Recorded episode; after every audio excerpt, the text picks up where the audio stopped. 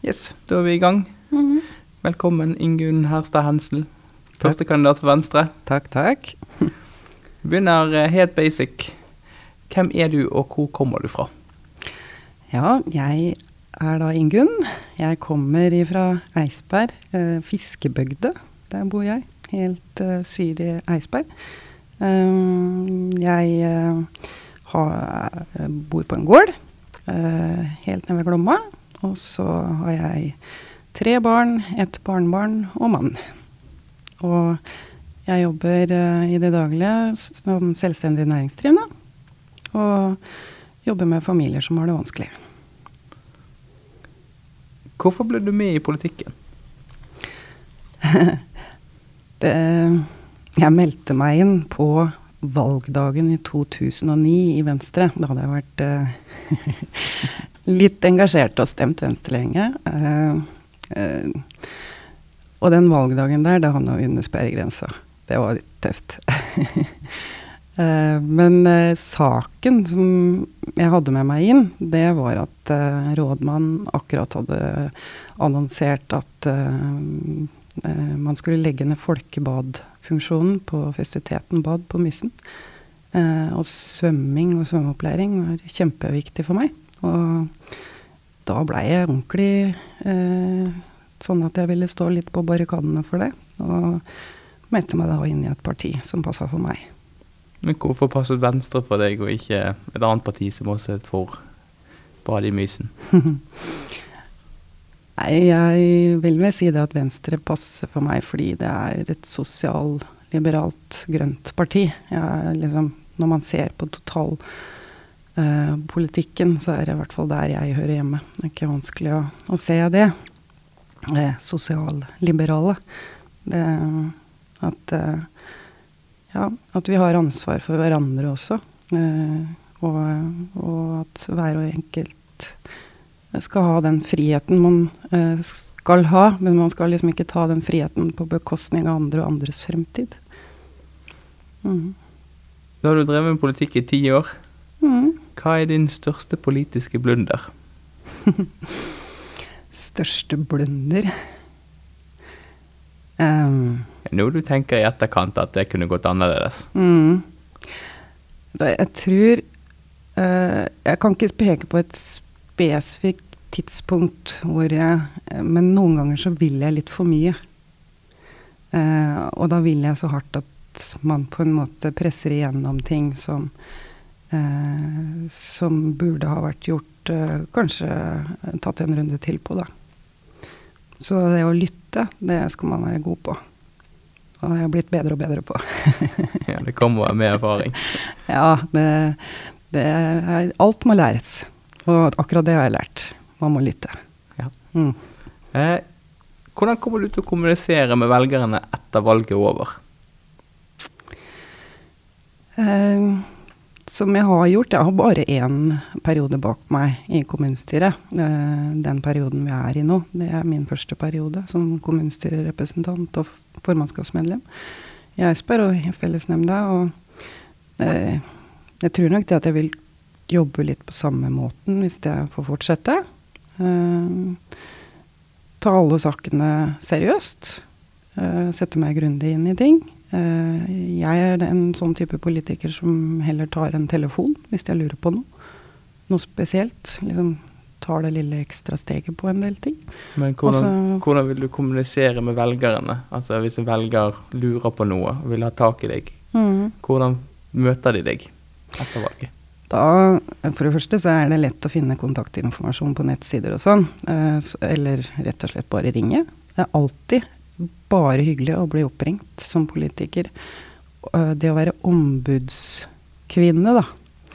Det, det setter jeg veldig pris på. Man får en del henvendelser som politiker om alt mulig rart av saker. Alt fra vei, vann og kloakk, holdt jeg på å skulle sagt, til, eh, til mer sosiale ting som er utfordrende for folk. Og det er jo ikke alt man kan få gjort noe med, men man kan i hvert fall gi noen råd i forhold til hvordan man skal eh, kontakte kommunen, og hvem og hvordan og, og sånn, da. Men Hvor viktig er det at folk på en måte melder fra til politikerne når de ser noe som er, ikke fungerer, så det kanskje burde? Det er kjempeviktig.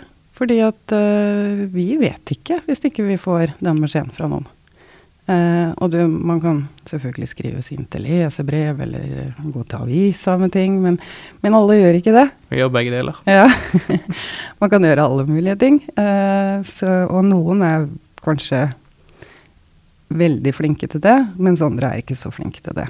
Uh, men det er alltid åpne gruppemøter hos oss i Venstre. Det er lov å komme selv om man ikke er medlem, og komme med en sak man er opptatt av. Eh, men å ta direkte kontakt på telefonen er kjempefint. Hva ser du på som den største utfordringen i den nye storkommunen? Sosiale utfordringer. På hvilken måte? At såpass mange av menneskene som bor i Indre Østfold kommune, strever med livet sitt. Hva det. kan man gjøre med det? Ja, vi klatrer på de statistikkene, på de kommunebarometerstatistikkene som handler om barnefattigdom, rus, psykisk helse og de tingene. Men det er den store utfordringen vår, spesielt psykisk helse i Indre Østfold kommune. Mange som strever i hverdagen. Men hva kan du som lokalpolitiker gjøre for at de skal få bedre hverdag? Da kan du titte litt i programmet vårt for hva vi har lagt inn av verktøy. Men f.eks. så ønsker vi oss at så mange som mulig eh, foreldre skal være i jobb. Mamma og pappa skal være i jobb. Det er liksom nøkkelen til det aller meste, egentlig. At man deltar aktivt i samfunnet. Eh, klarer å ha en jobb. Eh, så det er eh, Og det å stille krav til Nav-tjenesten vår, at den leverer på at folk skal i jobb, eh, det kan vi politikere gjøre. I tillegg så eh, ønsker vi oss at det som kommer på Heggen, som vi kan kalle et oppvekstsenter, hvor all administrasjon i forhold til oppvekst blir liggende, det blir et stort kompetansemiljø. En stor barnevernstjeneste, en stor eh, barnehage, skole, PPT. Alt blir liggende der av administrasjon, eh, som skal styre denne, eh, alt som skjer ute på skoler og barnehager osv. Eh, de skal ha et sånt kompetansemiljø som skal støtte ut, og som skal være lett å få tak i. Eh, sånn at en lærer som har en elev som sliter med å kunne komme seg på skolen, skolevegring f.eks., skal lett kunne ta kontakt der og få gode råd og veiledning både til seg sjøl som lærer, men også til foreldrene som strever med å få det barnet på skolen. Ikke det hø høres ut som det kan koste litt penger? Nei, egentlig ikke for fagmiljøet. Det ligger der. Så det handler egentlig mest om hvordan man organiserer det arbeidet i, på Heggen, som det faktisk fysisk blir liggende. Da. Jeg syns dette blir veldig bra, fordi at vi i de fem kommunene så har vi aldri hatt sjanse til å bygge en sånn type eh, oppvekstkompetansesenter, da. Men nå har vi det.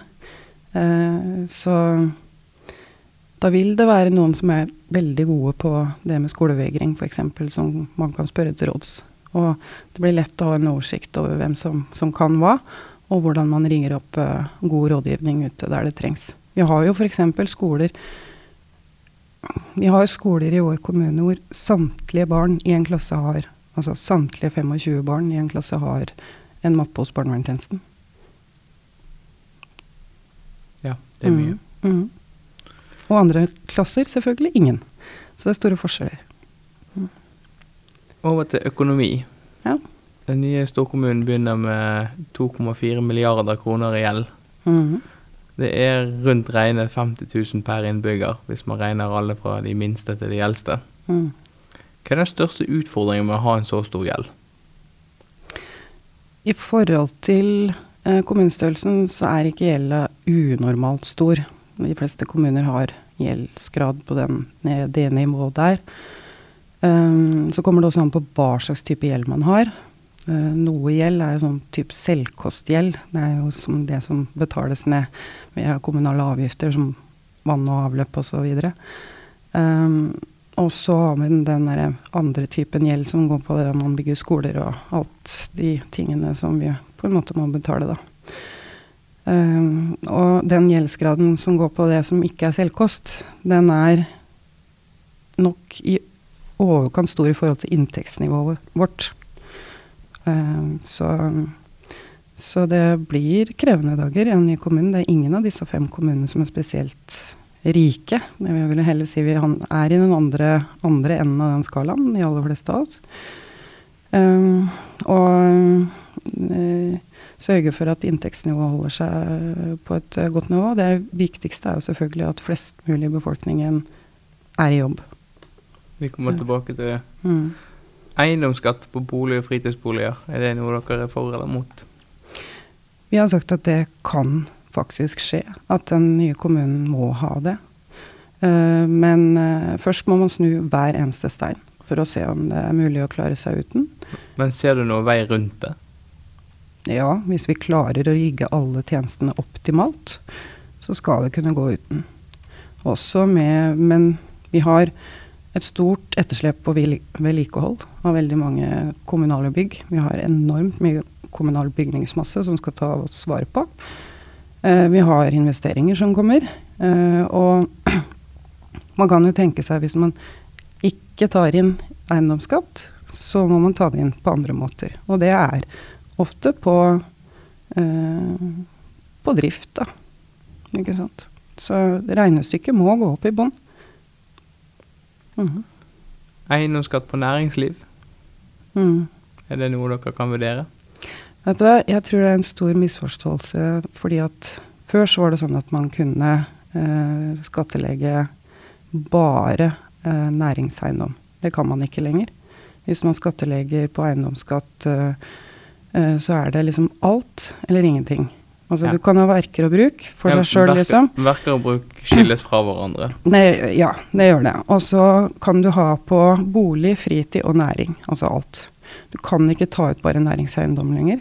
Og det er veldig, veldig synd. Det er egentlig en litt sånn eh, rottefelle for en del kommuner. Fordi at eh, det er den siste typen eiendom du ønsker å beskatte. Det er næringseiendom. Faktisk, fordi det handler om arbeidsplasser. Jeg forsto det sånn på Finansdepartementet at nærings at du kan ha eiendomsskatt på næringer alene? Mm. Nei, ikke nå lenger. Ikke fra første til første. Da eh, må jeg sjekke mine fakta. ja. eh, eiendomsskatt på kraftverk, mm. er det noe dere vil ha? Ja, det må vi ha. Det er ikke diskutabelt engang. Det kommer alle partiene til å si det samme. Jeg er helt sikker på. Ja, vi har hatt noen som ikke syns det. Å, du eh, verden. eh, vil dere selge tomter og eiendommer for å betjene gjeld? Ja, og det er en plan også. Sånn som Eidsberg kommune, som eh, f.eks. som har store eiendommer i sentrumsbasert. Det er i planen at vi skal selge en del av de eiendommene. Men vi kan ikke selge alt på en gang, for det skal da utvikles til boligfelter og sånt. Og man må ha liksom skoleutbygging og barnehageutbygging og alt det også eh, på plass før man eh, selger ut og, og, utvikler sånne områder. Fordi ting må henge litt sammen her. Man har slitt litt med det, spesielt kanskje i Spydeberg, hvor det har vært mye boligutbygging, og så ser man at skolene strever med at det er overfylte skoler. Mm. Blir det et bad i Mysen? Ja. Selv, selv om det betyr eiendomsskatt? Det var én av grunnene til at det ble innført eiendomsskatt i, i Eidsberg, men det var flere ting vi trengte. F.eks. så skulle Eidsberg kirke pusses opp, festiviteten skulle pusses opp. Vi har mange skoler å ivareta. Så det var ikke ene og alene pga. det. Eh, det hadde vi klart oss uten eiendomsskatt hvis det kun var badet. Ja, men hvis det er en ny storkommune at ja, det, det som er strået, så Nei, vet du hva? Det er bare tull og tøys. fordi at uh, nå vi såpass, uh, har vi såpass stor omsetning uh, på det hele at den finansieringsandelen som gjenstår på Mysenbadet, som nesten er fullført, den, den, den, gir ikke folk i Indre Østfold kommune noe eiendomsskatt. Man skal huske på at det delvis finansieres av spillemidler osv. Uh, og mye er allerede henta inn til et fond. Så ikke noen som trenger å bekymre seg for det, at vi innfører noe eiendomsskatt pga. det badet. Men jeg ville vært mye mer bekymra for den tunge gjeldsbyrden som enkelte kommuner har med seg inn, som må ivaretas. Uh, og så vedlikeholdsetterslepet. Som altså Det er mange uh, skoler, uh, 23 skoler i den nye kommunen. Alle de skal pusses opp. Vi kommer alltid til å ha en skole som er under oppussing i denne kommunen. Altså, ellers så Ja. 23 skoler. Da skal vi pusse dem opp hvert 23. år hvis vi tar én hvert år. Kan ikke vente 23 år mellom hver gang du pusser opp lite grann på en skole. ikke sant? Så det, dette blir eh, Dette blir hverdagen, og det har mye mer å si enn enkeltinvesteringer. Enkeltinvesteringer vil vi kunne klare å ta nå. Jeg kan godt tørre å si at vi også skal ha en ishall i den nye kommunen om ikke lang tid, og det trenger heller ikke eiendomsskatt for å klare det. Sånne type investeringer, det bør vi ta for å utvikle oss som samfunn. Ja, er det poster du tenker på, da? Ja, den er, altså, er jo, den er jo allerede på gang. Men altså, vi har fortsatt ikke noen ishall av den typen hvor du uh, spiller ishockey, curling, sånn type ting. Uh, egentlig litt rart, for vi er 45 000 innbyggere i denne regionen. At vi ikke har en ishall allerede. Det har jo de aller fleste andre steder. Innkjøp av tjenester. Mm. Er det pris eller kvalitet som er viktigst? Kvalitet. Uansett hvor mye det koster? kvalitet henger veldig ofte sammen med pris, men på en helt annen måte enn det folk tenker mange ganger. Fordi at uh, Eh, klarer man å levere effektive, eh, gode tjenester, så har de ofte også høy kvalitet. Så vi ikke alltid jakter etter bunnlinjen, det er også hva man får for pengene som er viktig? Ja, det er jo den beskrivelsen på den tjenesten du ønsker som er viktig. Skoler. Du sa det at det er 23, nye, eh, 23 skoler i den nye kommunen. Mm. Er det for mange skoler? Skal vi se. Hvis du ser langt Ja, jeg vil si at det er for mange skoler. Eh, på sikt så må man jo gjøre grep der. Vi har bestilt den skoleutredninga som skal komme på nyåret. Uh, der noen av skolene vil helt sikkert uh, tjene på at man ser ting litt annerledes. Så, sånn som f.eks. Spydberg-Knopstad-området. Uh, men ja, det blir veldig vanskelig å peke på en spesifikk skole og si at den ikke Ja, det skal jeg ikke be deg om å gjøre. Men, mm. men er, hvis det begynner fem elever i første klasse i år, er den skolen stor nok til å drives? Det er klart at uh, det er veldig sårbart. Eh, både sårbart for lærerne som på en måte står da i hverdagen aleine mye. Uh, og så er det sårbart fordi at det er ikke sikkert at blant de fem elevene er det kanskje bare ei jente eller bare én gutt. ikke sant? Og, uh, og kanskje finner du ikke venner som du trives med. og sånt. Så det er sårbart når skolene blir for små. Det gjør det.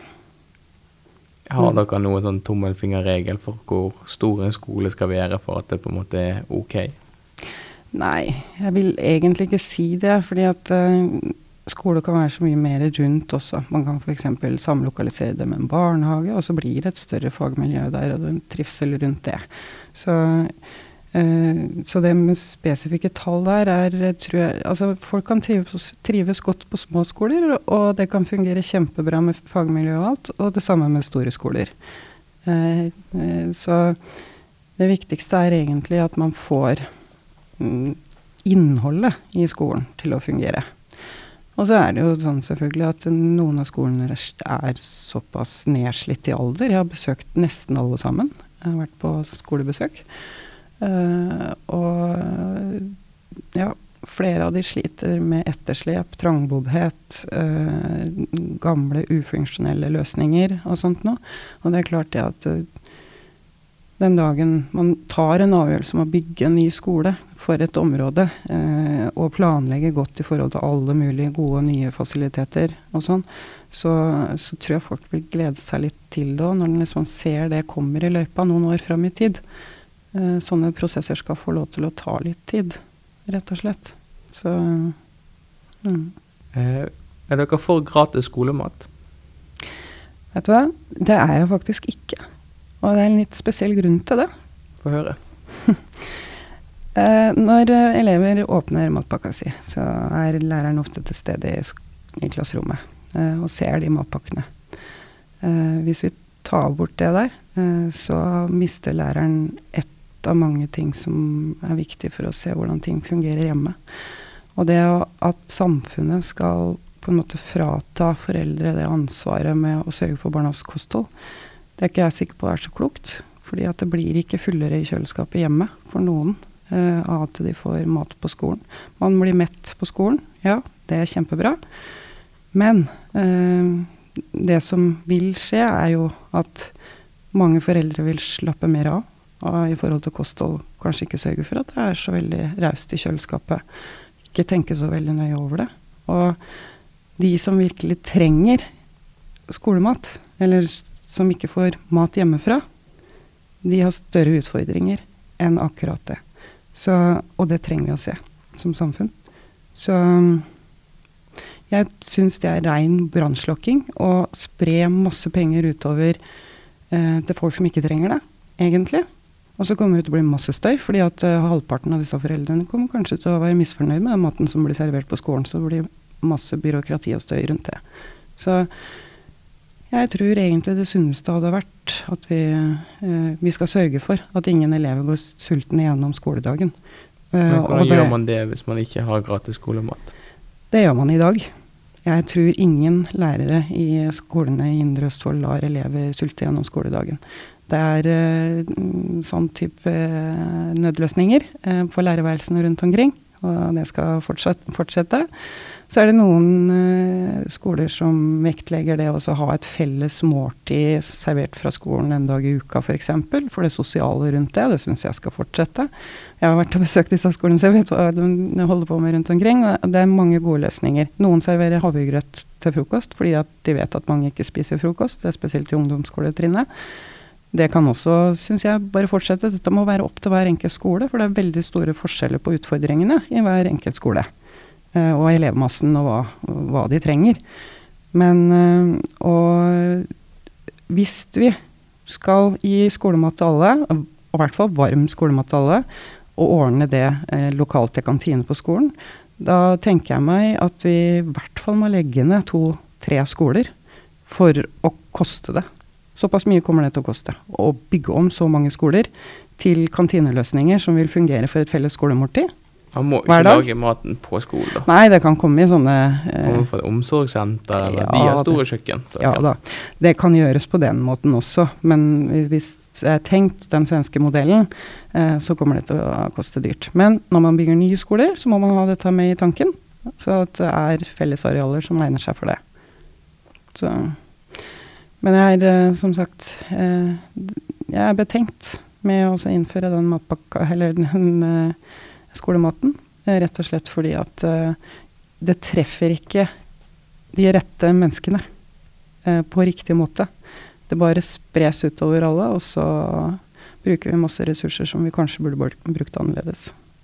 Gratis SFO, er det noe Venstre vil støtte? Ja, gratis SFO til de som trenger det. Det har vi programfesta.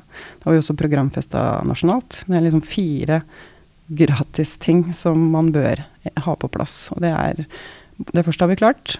Eh, gratis kjernetid i barnehagen. også gratis barnehage for de som trenger det. Gratis SFO for de som trenger det, kommer. Og også SFO med kvalitet. Gratis fritidsaktivitet og gratis leksehjelp.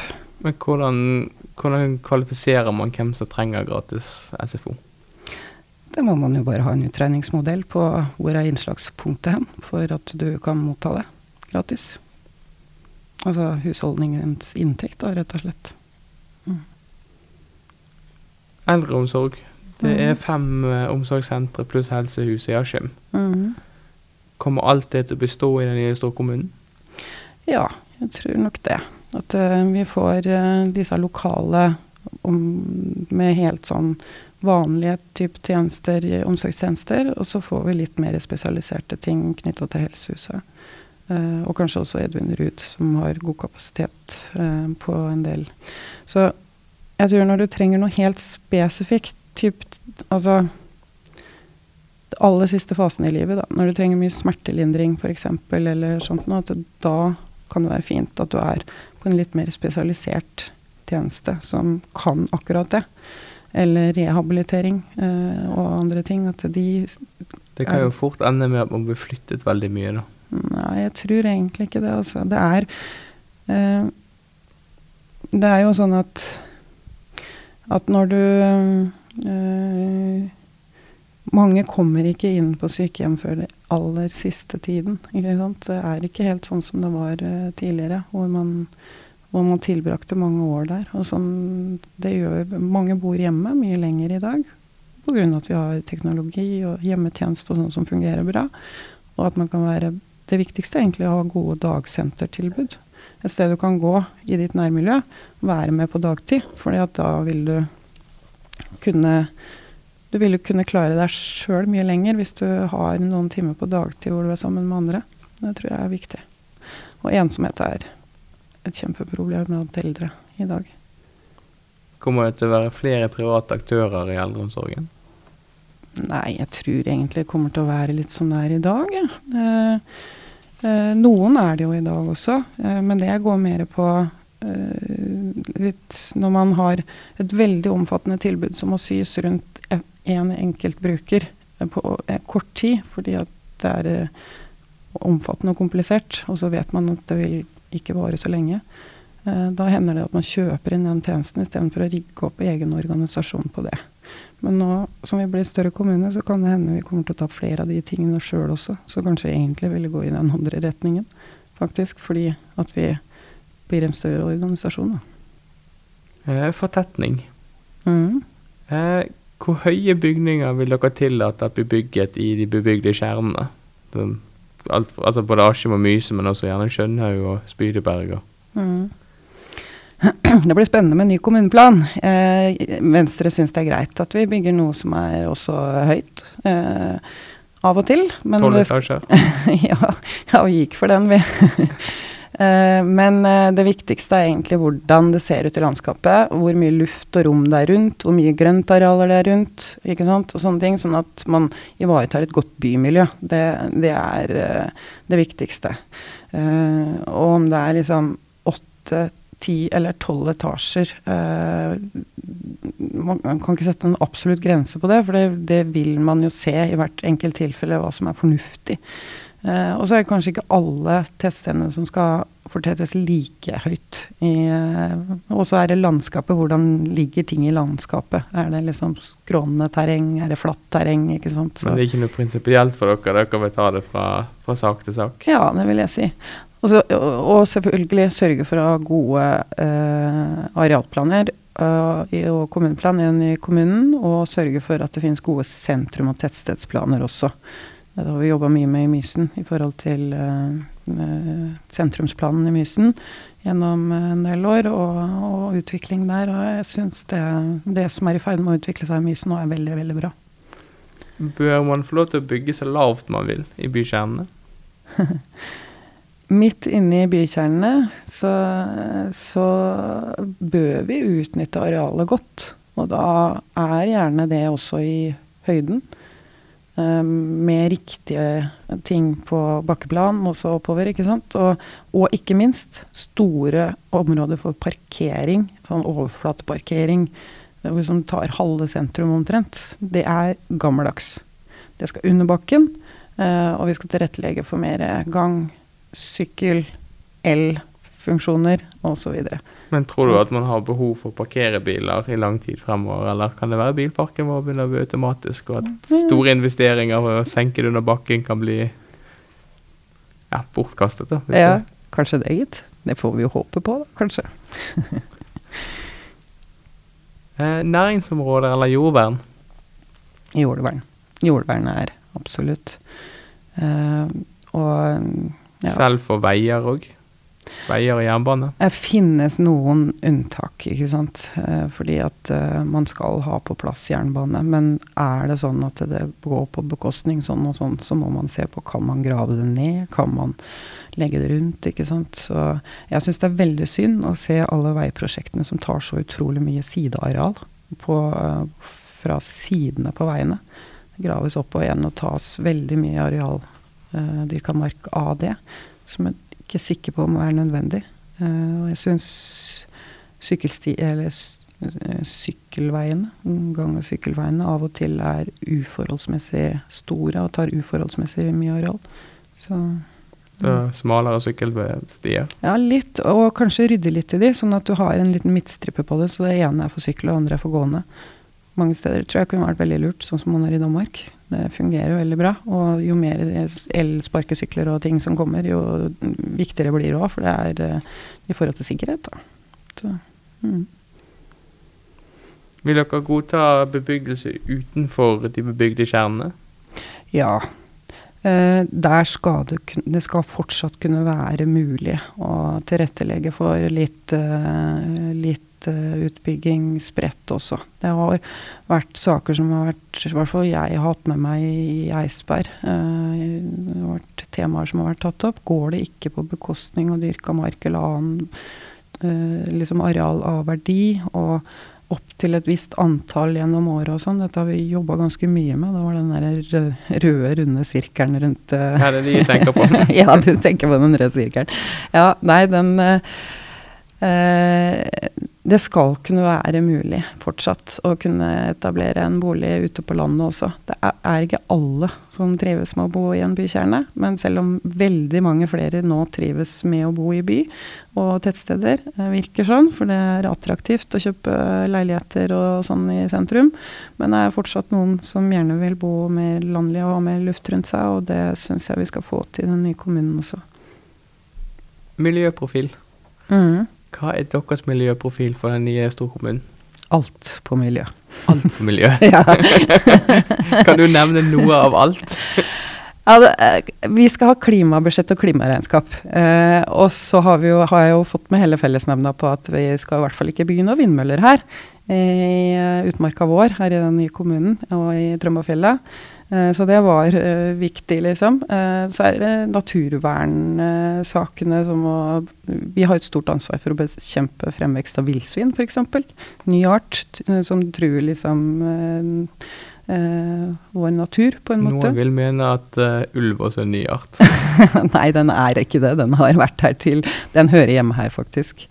Mm. Men det kan man kanskje si om villsvin òg. De kjenner ikke landegrenser. De gjør ikke det, vet du. Så det må vi eh, har lansert noe som er litt annerledes, og det er utmarksråd for den nye kommunen. Og det er rett og slett eh, skogeiere- og grunneierinteresser, eh, DNT, eh, altså orienteringsforbund, alle som bruker utmarka, da, samles i et utmarksråd. Og kan lage en utmarksplan som forvaltes fra år til år. Handler om viltforvaltning, konflikter mellom gående og syklende ikke sant? Og, og ridende og alt dette her som vi har en del konflikter knytta til. Eh, snakke om utmarksspørsmål og gi en innstilling på, på saker knytta til det til det nye kommunestyret. Eh, og det fikk egentlig gjennomslag eh, i, uh, i fellesnemnda, at vi skal gå for en sånn løsning. Og det tror jeg blir veldig bra. Ja, men Blir det folk som er ansatt der, eller er det mer på frivillig basis? Nei, det blir mer at du er en del av et råd, som, som kan være mange. Altså man har jo råd også knytta til uh, andre grupper i samfunnet, men, uh, men, akkurat det med Vi får ei veldig stor utmark å forvalte i Nye Indre Østfold kommune. Og vi klarer helt sikkert ikke å ta sånne ting som uh, utbredelse av villsvin f.eks., uten at vi samarbeider og ansvarliggjør alle. Uh, så, og at vi har en plan for det. Så, så, det tror jeg er nøkkelen til å lykkes. Andre miljøtiltak? Ja, vi, i forhold til uh, alle nye bygg, så må vi jo sørge for at de på en måte er bygga etter god standard når det gjelder miljø.